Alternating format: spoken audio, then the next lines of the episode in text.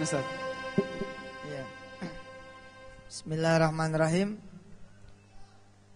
Assalamualaikum warahmatullahi wabarakatuh.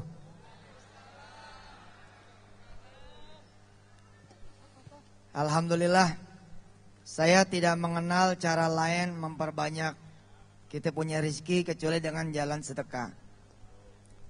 Giving is rich ya.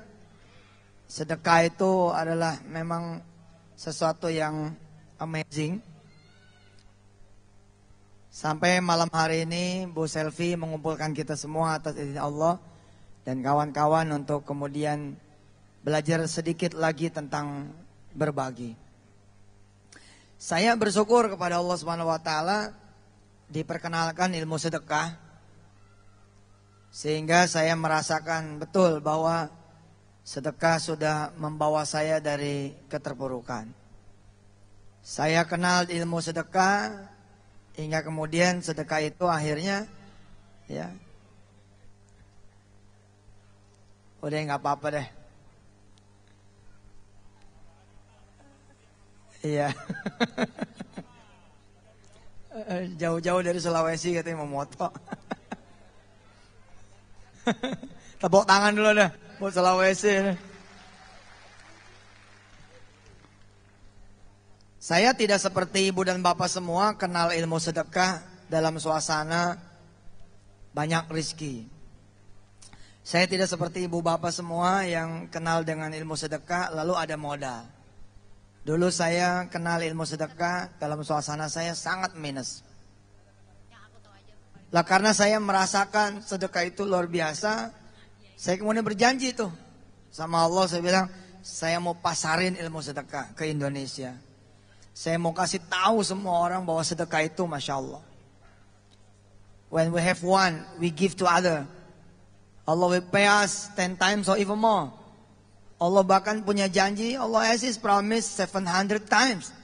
700 kali lipat Allah akan balas. Dan itu terjadi sama saya. Nah, konsentrasi ke suaranya, jangan ke gambarnya. Ayo kita ngaji dulu, benar. Ya mundur, mundur.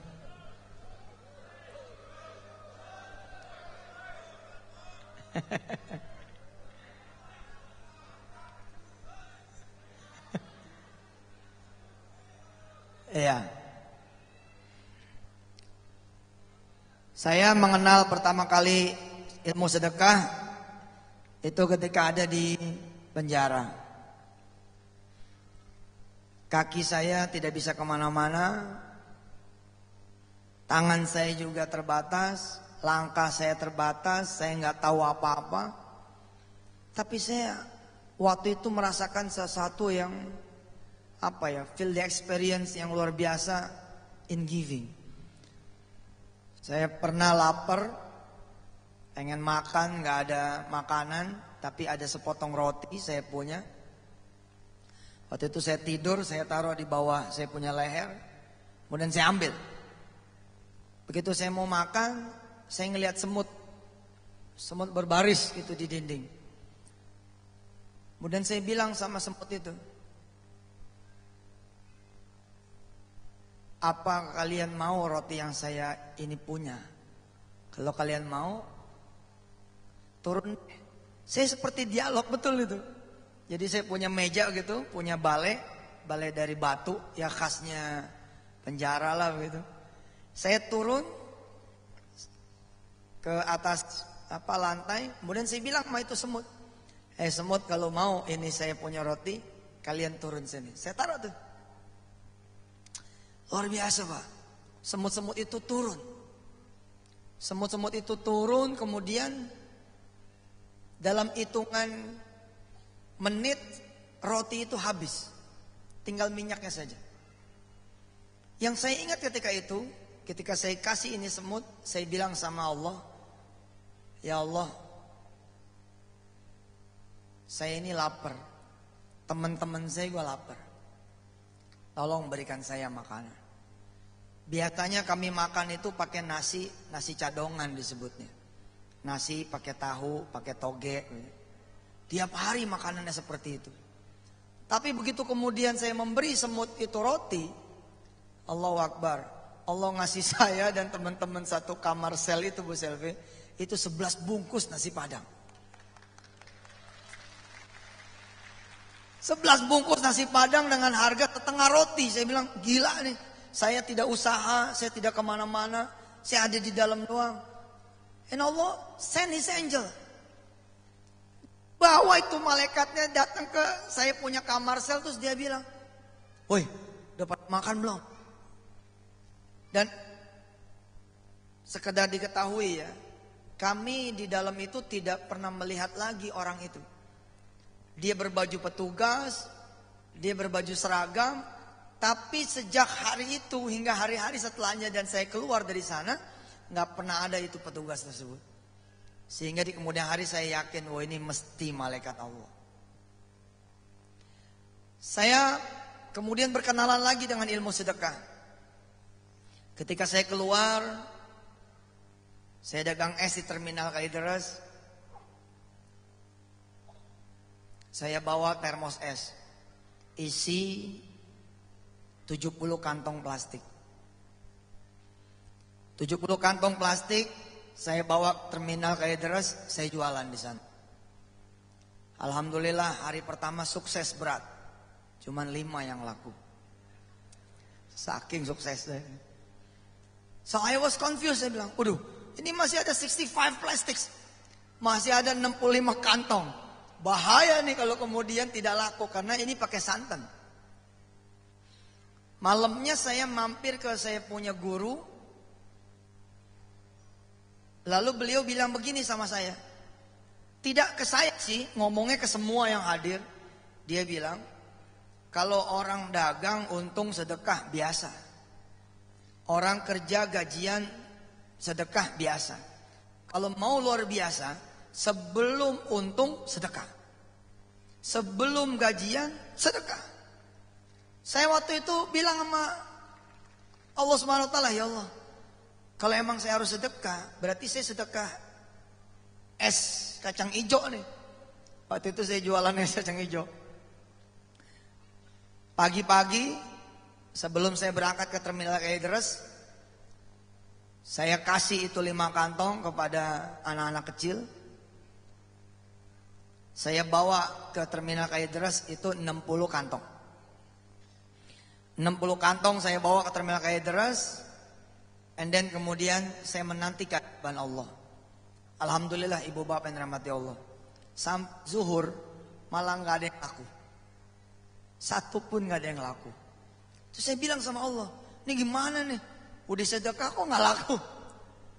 Ternyata, ternyata memang saya disuruh sabar. Azan berkumandang dan ini saya sering ceritakan di televisi. Awal perkenalan saya dengan ilmu sedekah. Azan berkumandang, kemudian saya masuk ke musola, termos es itu saya taruh di depan pintu musola. Lalu saya sholat di dalam. Saya sholat asik di dalam rupanya orang masuk ambil es saya, keluar ngambil es saya. Masuk ngambil es saya, keluar ngambil es saya. Begitu saya selesai sholat saya keluar, alhamdulillah pak, habis itu. Es itu habis. Copot jantung saya, dung, ya Allah, ini eh, siapa yang makan? Eh dari pintu, dari balik musola, musolanya masih ada di terminal kali terus. Ada seorang anak muda menyapa saya. Dia bilang, Mas, tadi aku yang jualkan. Tolong periksa duitnya. Mudah-mudahan pas. Saya cek pak. 60 kantong saya ingat saya bawa. Satu kantong 500 perak dikali 60 kantong itu 30 ribu.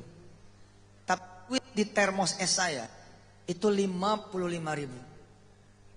55 ribu. Belajar lagi saya tuh sedekah yang kedua. Yang pertama semut, saya ngasih setengah roti tapi dapat 11 bungkus nasi padang. Peristiwa yang kedua adalah saya sedekah 5 kantong. 5 kantong itu 5 kali 500 2500. 2,500 I gave to Allah SWT. And you know, Allah pay me 10 times. I got 25,000 rupiah. Masya Allah. 25 ribu ditambah 30 ribu, 55 ribu. Saya tuh terkejut. I was shocked that time. Saya bilang, wah gila ya. Kalau begini terus bisa kaya nih saya bilang. Oh iya ya saya sadar, saya sadar betul. Ketika orang lain bilang, masa sedekah pengen kaya? Oh saya sadar kalau saya emang pengen. Emang enak apa? Hidup susah tuh nggak enak. Karena itu Allah ngasih tahu kalau pengen keluar dari kesusahan, begini caranya. Jangan memusuhi kekayaan, tapi bersahabatlah dengan kekayaan. Saya bilang sama Allah, saya bilang, ngasih lima aja begini nih. Bagaimana ngasih enam puluh? Hari kedua pak, hari kedua. Hari ketiga sorry, hari ketiga saya bawa itu termos es saya. Tapi saya panggil anak-anak yang kemarin dapat lima tuh, saya panggil, sini. Abang pengen ngasih bukan lima kantong, tapi abang pengen ngasih nih termos es. Kalian yang jualan nih termos, ambil uangnya. Jadi satu termos, dua termos, semua saya sedekahkan.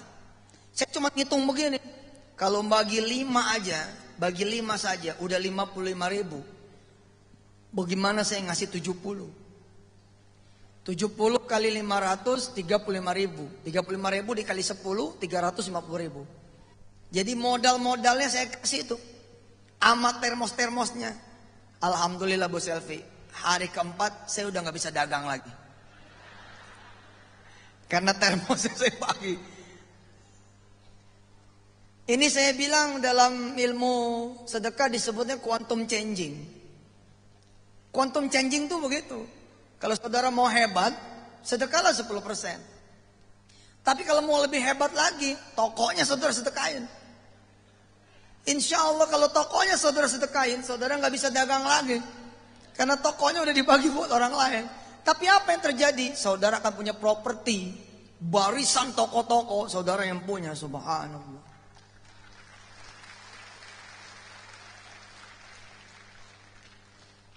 Saya belajar lagi ketika saya pengen kemudahan dari Allah. Someday saya ngasih ceramah, kemudian salam-salaman. Begitu salam-salaman, ada seorang yang bilang begini, Ustadz, ente nggak punya mobil ya? Saya bilang saat itu, iya pak, nggak kepikiran saya sama mobil. Beli dong, pakai ilmu sedekah. Berapa harga mobil kaliin 10%. Saat itu saya seperti dapat challenge ya, seperti dapat tantangan saat itu. Saya bilang sama orang ini yang kemudian dikenal dengan nama Cahayawan. Dan sahabat saya ini juga orang gila sedekah, sekarang penghasilannya apa omsetnya 200 miliar satu tahun. Beberapa tahun yang lalu saya bercanda sama dia. Oke Wan, ntar saya sedekah dah. Saya pulang ke rumah, saya bilang sama istri saya, Dek, ada nggak duit 3 juta? Buat apa kak? Mau beli mobil. Istri saya bingung, di mana ada mobil 3 juta? Belinya bukan di toko, tapi belinya sama Allah. 3 juta bagian aja udah. Nanti tanggung jawab Allah datengin mobil kita. Istri saya bilang, setuju. Tiga juta dia cari sama saya, kira-kira dua hari ketemu. Kita bagiin dah tuh. Alhamdulillah, kira-kira dua minggu habis peristiwa itu, ada teman saya datang. Ustaz, bayarin dong mobil aneh. Bayarnya kapan aja, Ustadz mau. Kapan aja, Ustadz punya. Dibawa tuh mobilnya, mobilnya Ford tahun 91. Saya nyengir tuh sama istri saya. Oh luar biasa ya. 3 juta dapat Ford 91 nih. Itu sudah udah besar banget buat saya. Ford tahun 91. Terus tapi kan ini harus bayar. Ah saya menghibur diri. Saya bilang sama istri saya. Allah kan ngasih kita pakai dulu. Bayarnya kapan saja. Kejar sama Allah supaya kita dapat itu duitnya. Alhamdulillah Pak. Dikejar kemudian bukan dikejar dengan nyari duit, tapi dikejar dengan sedekah lagi. Ada duit sedekah, ada duit sedekah, ada duit sedekah. Eh orangnya datang, apa dia bilang? Ustaz, aneh lagi ngelakuin tanah. Punya temen nggak? Kalau ada, Ustaz nggak usah bayar deh mobilnya. Wah, saya bilang luar biasa nih. Mulailah perjalanan lagi saya tuh, sedekah lagi saya bilang mudah-mudahan nih tanahnya laku. Alhamdulillah Pak, itu tanah laku tapi tidak lewat saya. Orangnya datang dia bilang, "Tat, tanahnya udah laku." Oh, udah laku. Iya, alhamdulillah. Ini doa antum juga nih. Ya udahlah. Saya udah janjikan sama ente kalau mau apa tanahnya laku lewat tangan ente mobilnya gratis. Nah, sekarang karena tanahnya laku lewat orang lain tapi karena cinta sama antum Zat, dan antum gak usah bayar nih mobil. Subhanallah.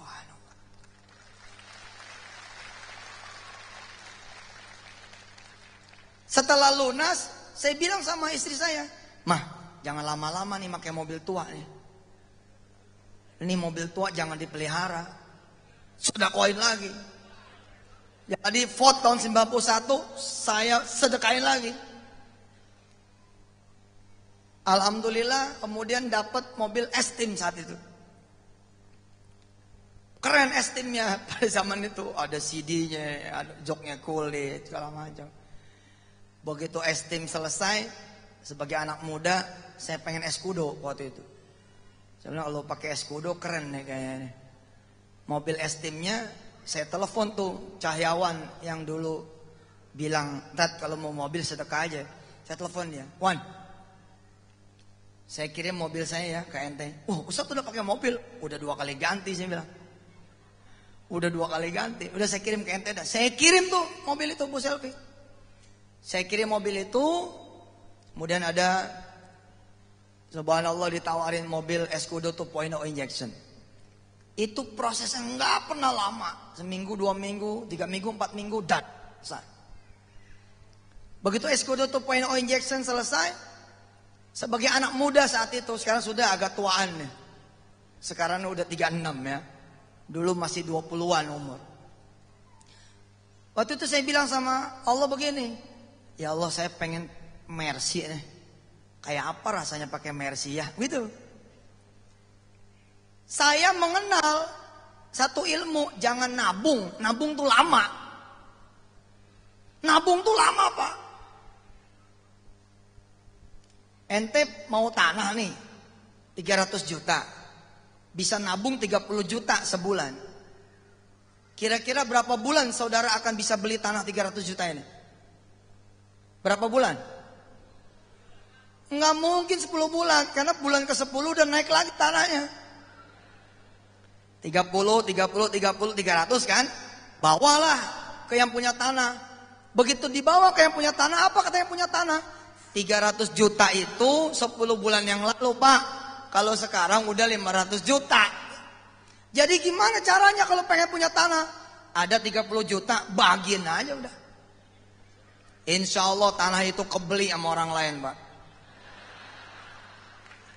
Tapi saudara akan saksikan orang itu bangun rumahnya, di fullin furniturnya, tiba-tiba dia datang ke ente, Mas, aku mau ke Surabaya ya, tolong jagain rumahku dong. Apa yang ada di rumah nikmatin saja. Tapi saya punya istri mas, kita dikontrakan misalkan, ya bawa aja istrimu, tapi saya punya anak mas, ya bawa aja anakmu. Pokoknya itu rumah seperti rumahmu sajalah. Selama saya ada di Surabaya, masuklah kita kemudian ke dalam rumah itu dengan harga satu kali sedekah saja 30 juta. Subhanallah.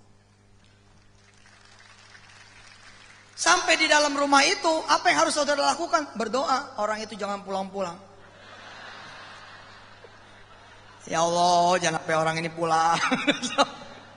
Eh tapi benar, sedekah terus. Nanti orang itu akan telepon ke ente. Mas, rumahku cocok gak?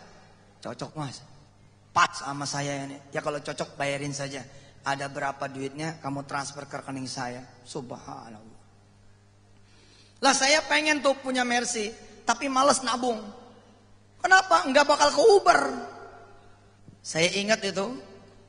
2000 berapa itu ya. Bismillah saya izin sama istri. Mah kita sedekahin nih Mercy ya. Eh kita sedekain ini eskudo. Eskudo tuh harganya waktu itu 170 juta. Bismillahirrahmanirrahim saya sedekain tuh eskudo. Saya bilang sama Allah saya pengen mercy. Orang lain bilang pamri, saya bilang iman.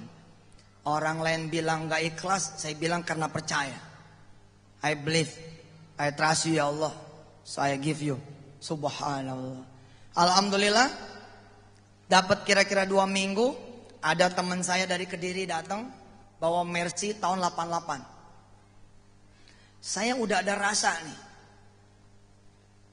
Lagi ngomongin Mercy, kok ini ada Mercy tahun 88. Jangan-jangan Mercy ini yang buat saya. Saya langsung ngangkat tangan ke langit saat itu saya bilang, jangan yang 88 dong.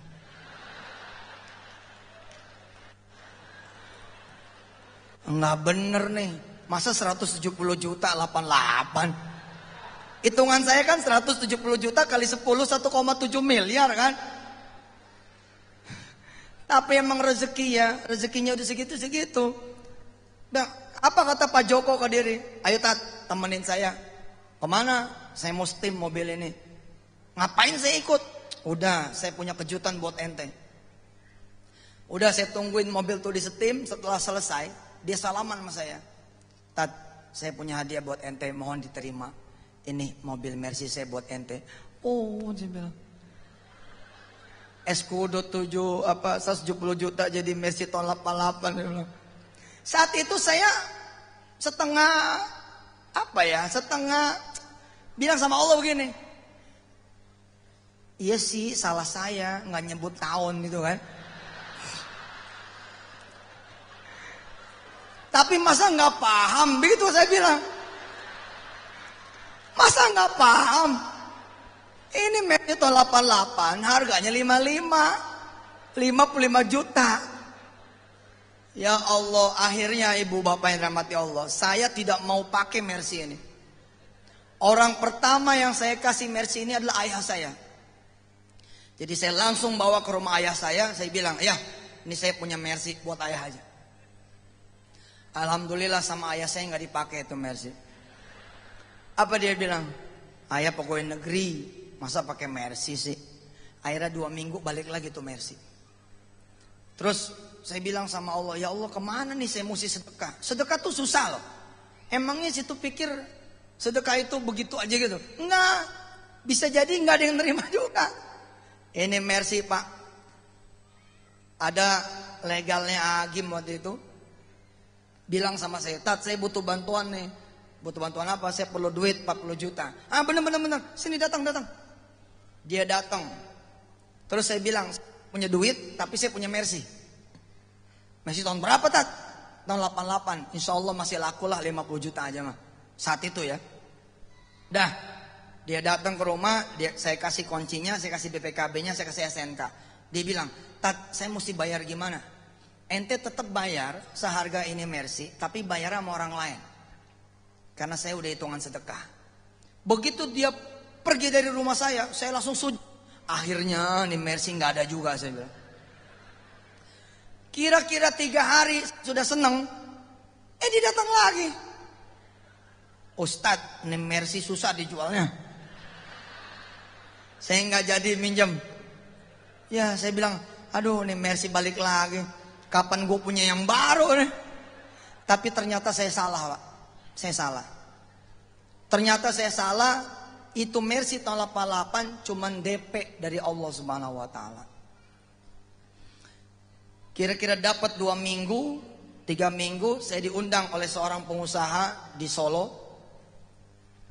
Saya kebetulan punya kemampuan ngerapin keuangan, punya kemampuan ngerapin perusahaan. Salah satu apa namanya kelebihan yang Allah kasih ke saya.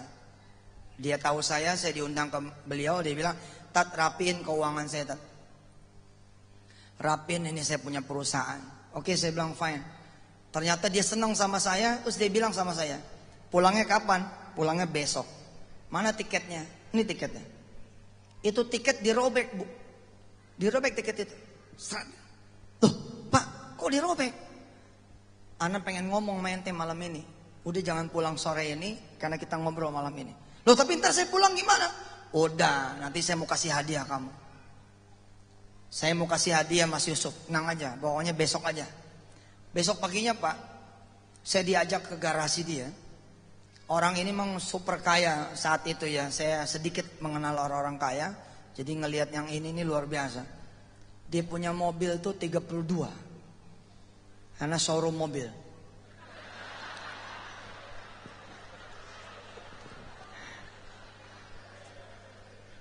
Dia buka empat garasi pribadi dia. Nampaklah di depan saya mobil Alphard, Mercy terbaru, BMW terbaru, sama Accord. Accord uh, VTAL 2005 itu baru. Apa dia bilang? Mas Yusuf, sebagai bayaran Mas Yusuf bantu saya, pilih saja empat mobil ini yang mana yang Mas Yusuf mau. Subhanallah. Subhanallah. Saya agak-agak jaim waktu itu. Saya bilang yang paling murah yang mana? Yang paling murah yang ini mas, Honda VTIL. Ini harganya 365 juta. Oke, saya bilang sama Allah, dan dah, nggak apa-apa dah. Yang ini aja nih, dibayar dua kali kan, 170 kali dua, kira-kira begitu. Saya bilang sama Allah, ya Allah, yang ini aja dah. Saya bilang sama nih teman Chinese nih, udah bayar gue yang ini aja. Ya udah, ambil langsung sore itu saya bawa mobil itu ke Jakarta. Sampai Jakarta saya bilang sama Allah, maafin saya yang sudah menolak pemberian engkau. Maafin saya yang sudah kecewa dengan bayaranmu ya Allah. Maafin saya yang sudah sempat buruk sangka terhadapmu. Saya ngasih 170 juta dapatnya Mercy tahun 88. Sebagai bayarannya ya Rob, Mercy inilah yang akan saya tahan. Lalu Honda VTL inilah yang kemudian saya uangkan dan uangnya menjadi pesantren bebas biaya pertama saat itu.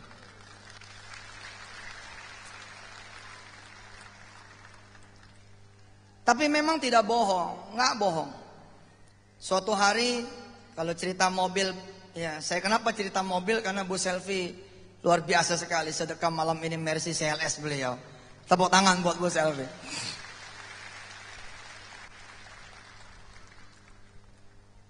Ya, mengingat waktu itu saya pakai Serena. Serena itu, mobil Serena untuk ukuran Ustad, ini udah super mewah. Tapi tahun 2006 anak saya sakit jiwa. Sakit pikiran anak saya. Yang pertama yang namanya Wirda. Mendadak dia tidak bersyukur saya punya Serena. Mendadak dia tidak bersyukur kami punya mobil Serena. Karena datang satu om, namanya Om Hidayat, asal ke rumah bawanya Alphard. Anak saya diajak jalan pakai mobil Alphard ini, sama Hidayat ini. Begitu pulang ke rumah, anak saya langsung sakit tuh jiwanya. Apa kata anak saya? Pak, mobil kayak si om dong. Dipencet kelihatan bulan pak. Maksudnya sunroof. Terus Kumi bisa lari-larian pak di mobil, mobilnya gede. Pak ayo dong pak beli Alphard. Saya diemin, saya bilang kak yang bersyukur jadi anak mah punya Serena tuh udah paling top. Tapi si Om Hidayat datang lagi, datang lagi, datang lagi, makin celeng anak saya. Akhirnya satu waktu pak, satu waktu. Lagi sholat begitu, maghrib.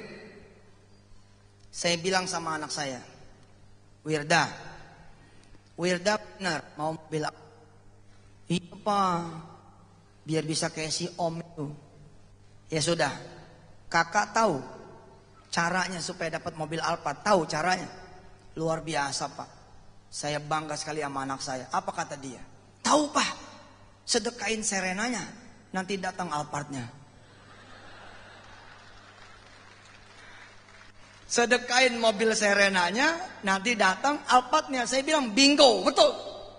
Ya sudah, ayo kita sedekain di serena besok. Langsung saya telepon, dapatlah Haji Mulyadi yang sekarang menjadi salah satu komisaris di Cipaganti. Saya telepon dia, mul, lo lagi kesulitan duit kan? Lo datang sini, gue mau bantu lo, gue mau bagi lo. Bingung dia pak. Ustadz, ini saya mesti bayar gimana? Tetap lo mesti bayar harga Serena, tapi lo sedekain duitnya. Kalau lo udah ada duit, lo sedekain ke mana kayak? Itu jadi sedekah saya kepada umat ini. Makasih Ustadz. Saya melepas Serena itu pergi, ini anak saya ini saya pegang. Begitu Serena menghilang dari pandangan kami, anak saya yang bilang, "Welcome my Alphard," dia bilang. Ini anak saya loh. Wirda tuh waktu itu 6 tahun. Dia bilang, "Welcome my Alphard." Saya bilang, "Hah? Kak, kok bisa ngomong begitu?" "Iya, Pak. Kan kalau garasinya ada mobil, Allah bilang Buat apa mobil? Ong di garasi ada. Sekarang garasi kita udah nggak ada mobil. Berarti Allah akan segera kirim alpatnya. Subhanallah. Hidayat datang lagi. Datang lagi, datang lagi. Dia baru sadar. Dia baru sadar kalau saya nggak ada mobil. Tidak ada yang mengarahkan pola pikir hidayat tidak ada yang mengarahkan dia punya perasaan. Nggak ada. Semua Allah saja. Tiba-tiba dia nanya begini sama saya. Suf, ke mana mobil Serena ente? Kalau saya jawab, saya sedekain, saya jadi nggak ikhlas nih. Saya cuma bilang sama dia, lagi ke Maerot Ji. Maerot ngapain? Biar tambah gede. biar tambah panjang. Ente sedekain serenanya. Ya begitu dah. Pokoknya mah doain aja. Oh ya udah, aneh naik taksi aja. Mobil Alphardnya ada tinggal di sini. Jangan Ji, udah bawa aja mobil Alphardnya. Nggak apa-apa kok. Aneh masih ada Mercy kok yang 88 tuh. Wah, udah, udah. Ente nggak boleh nggak punya mobil yang gede buat keluarga. Saya bilang sama dia, Ntar dulu nih, ini make doang apa gimana? Kata si Hidayat begini, pokoknya buat antum pakai sampai rusak. Saya nggak mau jaim, langsung saya taruh tangan saya. Oke, makasih semua.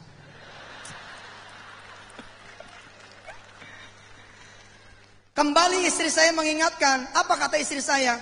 Ayo, jangan lama-lama pakai alpat. Jangan lama-lama pakai dunia. Dunia itu kalau lama-lama akan merusak hati dan pikiran. Lalu istri saya bilang, Pak, kita make kira-kira 6 bulan paling lama. Setelah itu biar gantian sama Allah. Alpat itu kemudian saya belah. Kita belah, kita bagi dua. Separuh kemudian buat Allah, separuh saya beli mobil yang lebih rendah.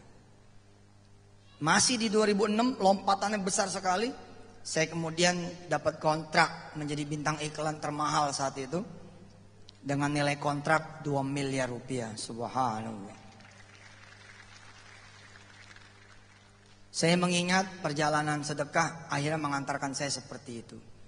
Buat saya pribadi testimoni cuma sebagai lab saja. Bahwa ini Allah SWT punya janji enggak pernah bohong. Allah punya janji tidak pernah bohong.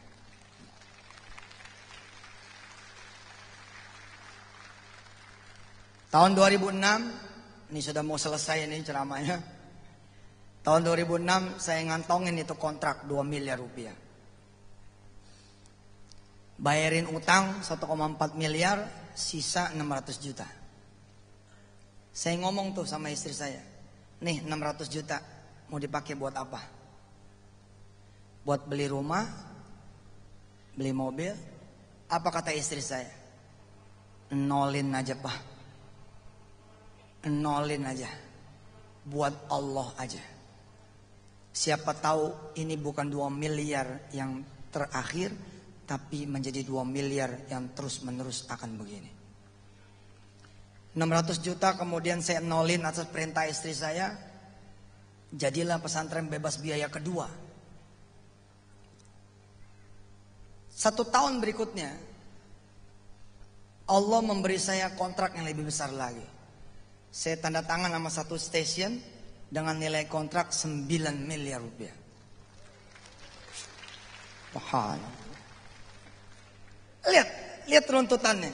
Strak, strak, strak, strak, strak. Terakhir 600 juta. Tapi saya punya kontrak sebesar 9 miliar rupiah. Saya bilang, wow gila saya bilang. Makanya saudara, kalau saudara punya modal, punya modal, berinvestasilah di jalan Allah. Saudara investasi di SMC aja udah banyak bonusnya. Bagaimana lagi kemudian investasi di jalan Allah?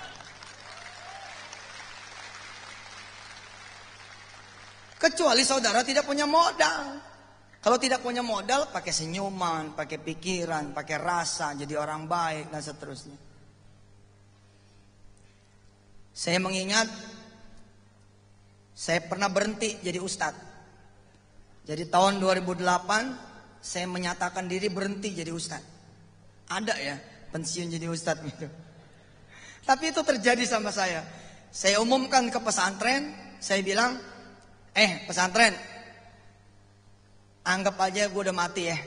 Gue mau berhenti, gue mau keluar. Tolong pesantren diurus. Saat itu saya ngantongin 200 ribu dolar. Maaf pak, saya sampai sekarang ini bertahan tidak pakai sekretaris, tidak pakai manajemen, tidak pakai ajudan. Kalau permintaan ceramah satu-satunya ya lewat handphone saya. Dan kita tidak mencari duit lewat ceramah, melainkan lewat usaha. Saya punya 200 ribu dolar dari usaha saya. Dengan 200 ribu dolar ini, saya pengen hidup di kampung ceritanya begitu. Saya bilang sama istri saya, yuk kita pindah ke desa. Kita jadi petani saja. Dengan 200 ribu dolar atau ekuivalen dengan 2 miliar saat itu. Saya yakin sekali kita udah hidup tenang. Di luar kebiasaan istri saya, istri saya bilang begini. Iya pak, yang 200 ribu dolar tolong dikunci ya. Jangan dipakai, jangan disedekahin. Udah, udah cukup kita sedekah. Jangan disedekahin. Ini aneh. Karena istri saya itu selalu nomor satu. Saya udah kayak begini, masih kalah sama istri saya. Kalau cerita tos-tosan, wah istri saya udah paling gila. Tapi saat itu dia ngomong, bener nih, jangan disedekahin lagi. Udah yang ini buat kita. Saya berangkat terbang ke Lombok, saya beli pulau saat itu di sana, di Gili Trawangan. Sorry nih ya, banyak duit soalnya. Bukan main sombong bener. Saya datang ke Gili Trawangan, saya liburan, kemudian dari sana saya kirim berita ke Jakarta, I'm quit. Saya berhenti. I quit, saya bilang saya berhenti. Tapi teman-teman di pesantren bilang, ya Allah Ustadz, pesantren masih baru, jangan berhenti dulu. Ntar kita nggak punya bapak lagi. Udahlah, jalanin aja pesantren, masa iya nggak bisa sih? Tapi kemudian hati saya luluh. Saya bilang sama teman-teman pesantren, oke okay deh, kalau gitu nanti saja. Kebetulan waktu itu kita punya acara besar tanggal 14 Juni tahun 2008. Kita mengundang 3.500 perwakilan dari seluruh tanah air ada di pesantren. Apa kata teman-teman di pesantren? Ustadz, kalau mau berhenti nanti saja tanggal 16. Jangan sekarang. Waktu itu tanggal tanggal 8 Juli 2008. 8 Juni sorry 2008. Dah, karena tidak jadi berhenti, saya teleponlah Bang Mandiri Prioritas. Saya bilang sama Mandiri ini, eh saya nggak jadi berhenti.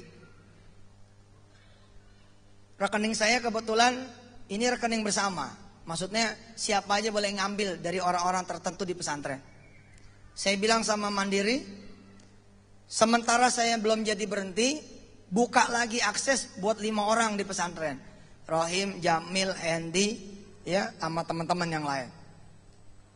Terus saya pilih, beri kabar ke Jakarta, saya bilang, terserah ente, kalau mau ngambil, ngambil aja seperti biasa atau di bank. Pokoknya duit aneh, duit pesantren. Kira-kira begitu. Tanggal 10 Juni saya pulang pak Tanggal 14 Juni berlangsunglah acara perhelatan akbar nasional. Anda tahu, tanggal 14 Juni selesai, tanggal 15 Juni saya periksa rekening saya. Kan teman-teman ngambil nih buat pesantren tuh. Saya sudah kasih akses. Tanggal 15 saya periksa rekening. Nang, cek saldo dong. Unang ngirim ke saya SMS. Ada 30 juta Ustaz. Bayangin saudara. 2 miliar tinggal 30 juta. Saya marah. Waktu itu marah saya. Saya bilang, ini anak-anak nih gila kali ya. 2 miliar masa seminggu habis. Emangnya buat apa sih? Saya telepon tuh. Hendy, lu ngapain lu Duit seminggu langsung habis 200 ribu dolar. Apa kata si Hendy, Rohim dan teman-teman? Iya Stad, kita ngaspal jalan. Beli kebun, dirubah jadi parkiran. Beli tanah belakang, dirubah jadi tenda dan segala macamnya. Aduh, saya bilang, gimana saya ngomong sama istri saya nih? Duit tinggal 30 juta. Di sini saya memahami satu hal bahwa yang berkehendak atas sedekah itu sungguh bukan kita, tapi Allah Subhanahu wa taala. Seribu kali saya dan istri saya bilang, udah jangan disedekain lagi. Ternyata duit tetap tinggal 30 juta. Saya waktu itu akhirnya pasrah. Saya bilang, ya Rob, kalau emang ini adalah kehendakmu, ya sudah, saya pasrah. Tapi gimana saya ngomong sama istri saya? Akhirnya karena pahit manis adalah istri, saya ngomong sama istri. Dek, maaf ya. Kenapa kak? Habis ya duitnya. Masih ada sih 30 juta. Hah? Tinggal 30 juta? Iya, ya udah. Itu berarti ada 30 juta. Ya kita mulai aja hidup dengan segitu. Kita mulai aja hidup dengan 30 juta. Dulu juga nggak punya apa-apa. Kata dia begitu. Adem saya. Oh ya udah kalau gitu alhamdulillah. Berarti mama nggak marah nih. Pak nggak marah. Udah kehendak Allah katanya. Tapi ternyata pak 2008 itulah yang membuat saya kemudian bertambah-tambah nih soal sedekah. Anda tahu, tanggal 18 Juninya ada perusahaan operator seluler ngundang saya menjadi bintang iklan di sana. Menjadi ambasadornya dia. Waktu itu yang apa namanya bintang iklannya Luna Maya. Jadi Luna Maya sudah akan berakhir Lalu dipilihlah saya untuk menggantikan Luna Maya. Saya tidak perlu beritahu apa operatornya, saudara pasti tahu. Pitching selesai, dalam hitungan hari langsung saya disetujui. Udah, Ustadz jadi ambasador kita. Sampailah pada tahap kontrak. Begitu kontrak, musyawarah soal kontrak, ada GM-nya dia, kemudian nanya begini ke saya. Ustadz, berapa nih kita harus bayar Ustaz? How much we should pay you Ustaz? Waktu itu saya cuma bilang begini, berapa ente bayar lo namanya kaliin 10.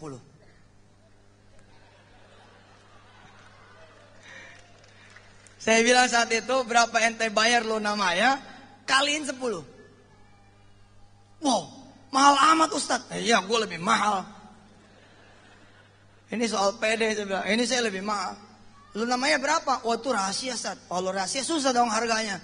Gua nggak tahu dong kalau rahasia. Ternyata subhanallah Pak. Bayarannya itu kira-kira 50 ribu dolar. So 10 kali lipatnya berapa kira-kira? 500 ribu dolar.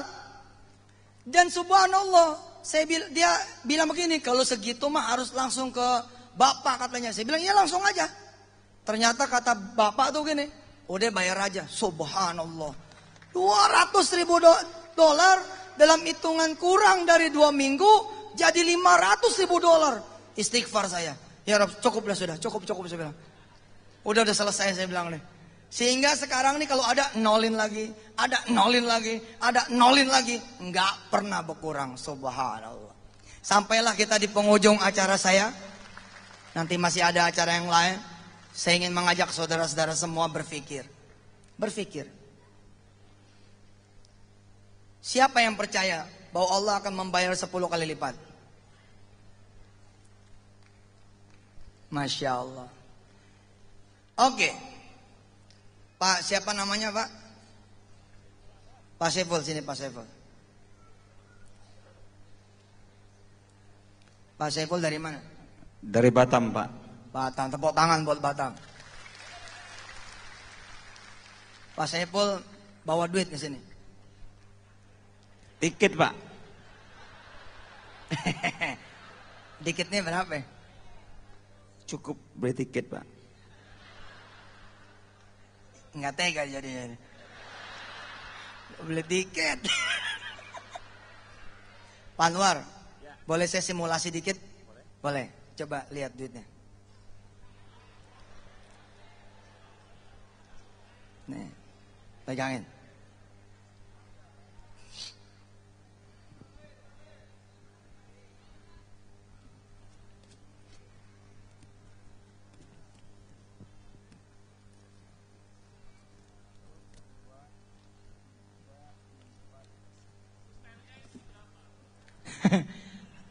enam ratus ribu. Masih ada tadi? Tadi ada.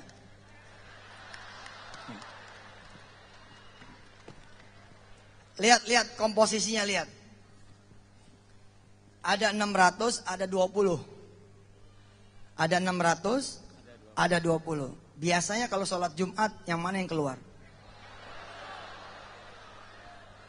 Yang 20 ribu Pak. Nih, biasanya kita nih, naluri manusia nih, sedekahnya ini nih. Kita belajar sedikit ya sebelum saya akhiri. Kalau sedekahnya 20 ribu, sementara duitnya ada 620, jadi berapa duitnya? Kalau pakai teori dikali 10 kali lipat. Jadi berapa Pak? Bapak punya 620, sedekahnya 20. Jadi berapa? 620. Iya, 620. Bapak sedekah 20. Duitnya jadi berapa ya? 20. Berapa? 800 ribu. Paham gak nih? 20 dikali 10 200. Tambah saldo 600. Jadi 800. 800. Kalau Pak Anwar sedekahnya 600, jadi berapa? Ini kali 10 tambah ini. Berapa? Ini belum makan malam jadi nggak connect. Ini Pak Anwar dikali 10. 6 juta. Tambah ini. 6 juta 20. Oke. Kalau sedekah 20 ribu ternyata jadi 800. Tapi kalau sedekah 6 juta 20, eh 620, sedekah 600 menjadi 6 juta 20. Pak Anwar pilih yang mana?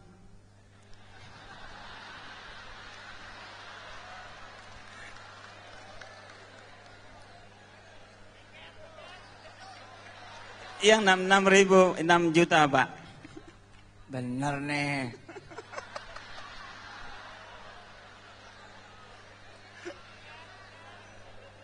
Goyang Pak, ketemu Pak Ustadz Mansur nih Pak. Saya ulangi, saya ulangi. Kalau sedekah 20, yang mantep dong. Kalau sedekah 20 jadi 800.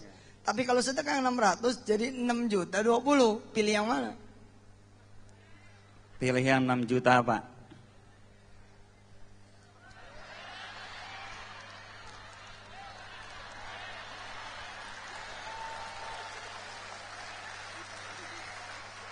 Sebentar, sebentar. Nih, pegang. Saya sudah janji dalam hati saya. Kalau dia pilih yang 600, maka tiket ke Batam saya yang beliin.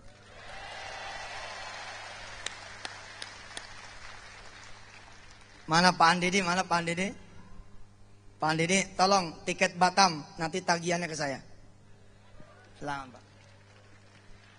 Si, lihat begitu kontan Allah berikan. 600 ribu mana bisa dia pergi ke Batam? Kalau pakai Garuda kurang nih duitnya. Tapi saya yang beliin dia tiket. Subhanallah. Garuda nanti kita beli.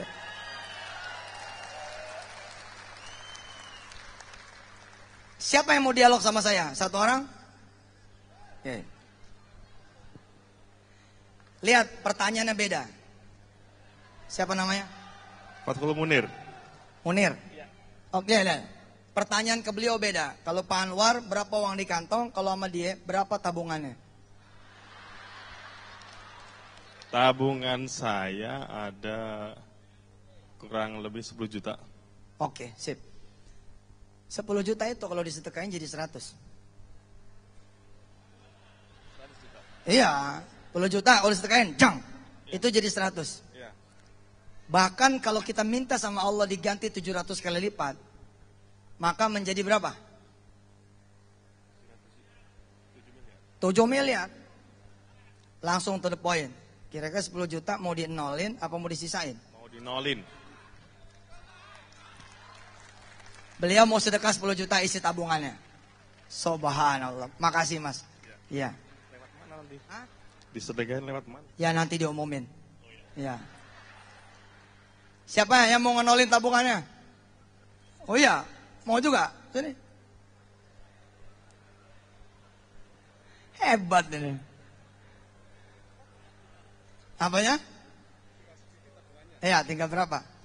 Tinggal kurang lebih 500 ribu ada di ATM. Eh, bawa tangan dong. Oh, iya, mana? 500 ribu itu 500 ribu. Nih sekali, sini, cek, cek. Siapa di antara saudara, kan belum tentu semua punya toh. Siapa di antara saudara yang pengen punya duit cash 10 miliar rupiah? Oke, kalau pengen punya 10 miliar, lu sedekah semiliar dong. Ada enggak? Oke, kalau enggak ada, kalau enggak ada, start dari 100 juta. Ada enggak? Kalau enggak ada, start dari 10 juta. Ada enggak? Kalau enggak ada, start dari sejuta. Ada enggak? Enggak mungkin enggak ada. Kira-kira begitu. Mulai, mulai, perjalanan tuh mulai. Deng, 500 ribu, bang. Nanti dapat 5 juta. Sang, 500 juta. Sang, 5 miliar. Sang, 50 miliar. Subhanallah. Oke, makasih mas. Tapi boleh saya tanya? Boleh saya tanya? Boleh, boleh. Boleh. Ada punya mobil, motor? Motor ada. Oke, ada BPKB-nya? Ada. Oke. Sebentar. Motor itu kalau dijual berapa harganya? Kurang lebih 10. Oke. Kalau 500 ribu tadi jadi 5 juta. Tapi kalau 10 juta tuh motor diuangin jadi 100. Pilih yang 500, pilih motor. Beli motor. Oke, sip. Kita terima motornya bukan yang 500 ribunya. Makasih ya. Siap.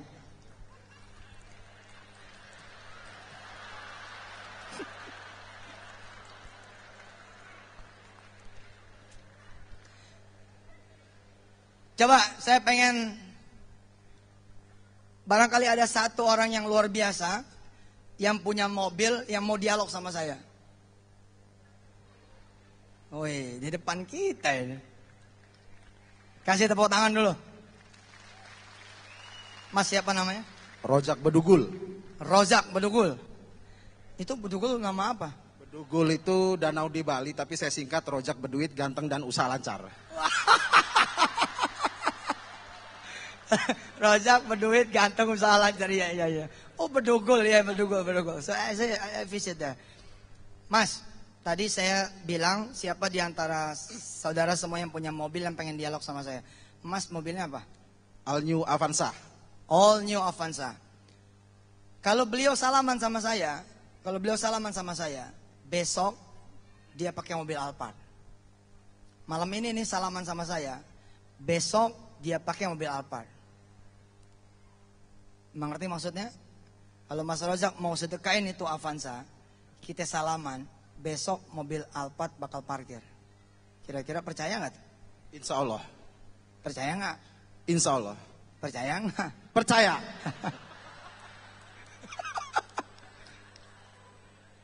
Dengerin, dengerin, dengerin yang punya mobil. All new Avanza ini kalau dijual berapa duit? 168. 168 juta.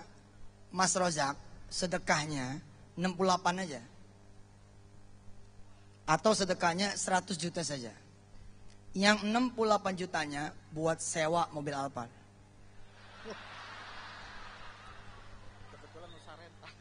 Lihat, lihat, lihat. Kalau mobil Alphard kita pakai dari tangan pemakai, dari tangan pemakai, maka insya Allah biaya sewanya itu kurang lebih 20 juta per bulan. Kalau beliau kemudian sewa mobil Alphard dengan anggaran 60 juta, beliau bisa pakai mobil Alphard itu 3 bulan. Tapi nggak ada yang nyewa Ustadz. Tapi nggak ada yang nyewa. Oke, kalau nggak ada yang nyewain, mobil Kijang.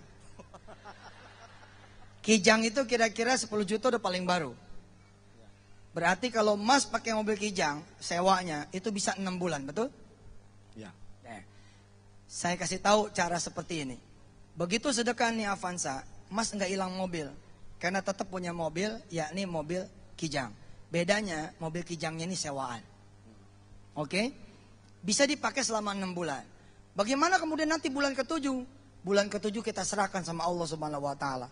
Beliau akan meng- Allah akan mengganti 100 juta dikali 10, 1 miliar. 1 miliar beli aja mobilnya lagi. Subhanallah. Mau salaman kira-kira? Subhanallah. Luar biasa. Mobil Avanza. Makasih Mas. Siap. Oke, pilihan ada di tangan saudara semua. Saya Yusuf Mansur, tidak ada hak buat saya untuk memaksa saudara-saudara semua bersedekah. Orang-orang miskin menunggu saudara semua. Kanan kiri saudara menunggu saudara semua. Banyak orang-orang susah sekitar saudara yang membutuhkan saudara semua. Hari ini saya cuma meminta kepada saudara semua berpikir ulang tentang modal yang Allah berikan kepada kita semua. Buat apa mobil Avanza kira-kira? Kalau kemudian tidak dia beruseful. Dengan kita kemudian niagakan di jalan Allah Subhanahu wa taala ternyata beliau sudah tahu. Subhanallah 100 juta itu bisa membahagiakan berapa ratus orang. Sudah bisa membahagiakan berapa ribu orang. Sudah bisa memberi makan berapa ribu orang. Subhanallah. Baik saudara-saudara semua yang dirahmati Allah, saya tutup dengan satu kalimat kecil saja. Kita tidak memberi kepada Allah saja. Allah memberi kepada kita. Apalagi kita kemudian mau memberi kepada Allah. Tentu dia akan lebih memberi lagi kepada kita. Sebagai penutup kita punya tausiah. Siapa di antara saudara yang tadi ngacung, saya juga ikutan mendahului. Kebetulan saya bawa nggak banyak ini. Saya bawa juga tidak banyak, tapi saya di mobil masih ada. Insya Allah saya pun ikut ngosongin untuk bersedekah pada malam hari ini. Semua di antara saudara semua maju ke depan kita bersedekah. Terima kasih. Wassalamualaikum warahmatullahi wabarakatuh. Silakan turun ke bawah. Ada saya nak cerita sama Ustaz Ah, apa? ya. Saya pun ada dari Malaysia. Malaysia. Ah, saya dari Malaysia ingin membuat membina masjid satu di Garut. Oh. Jadi Tepuk tangan buat Malaysia.